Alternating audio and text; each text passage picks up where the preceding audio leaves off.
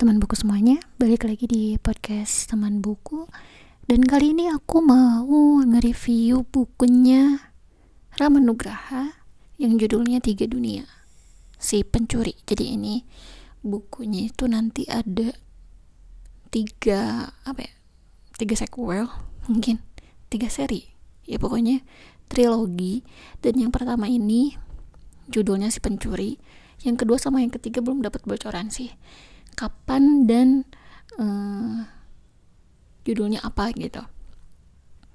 Nah buku ini diterbitkan oleh Hysteria Publisher.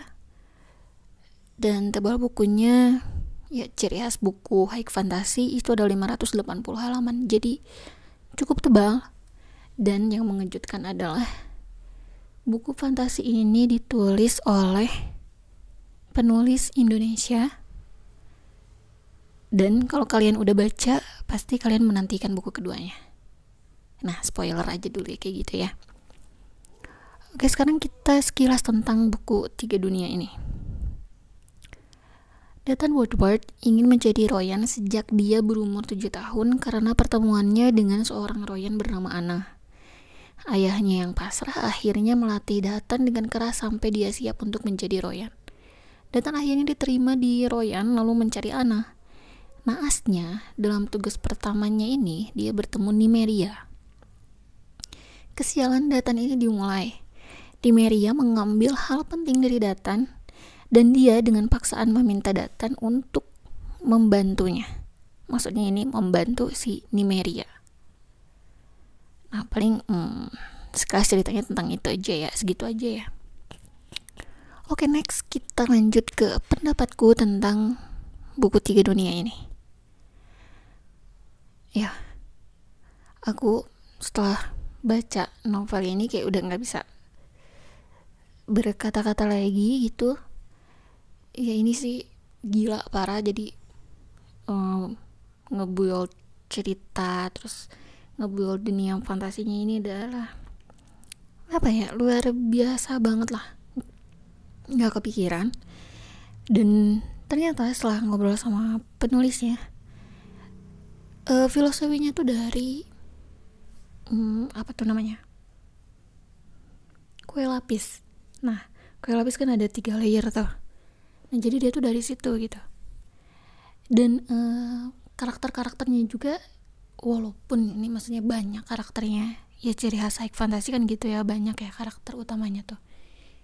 Ya saling menonjol gitu. Yang karakter utama di buku tiga dunia ini yang pertama ini itu adalah Datan.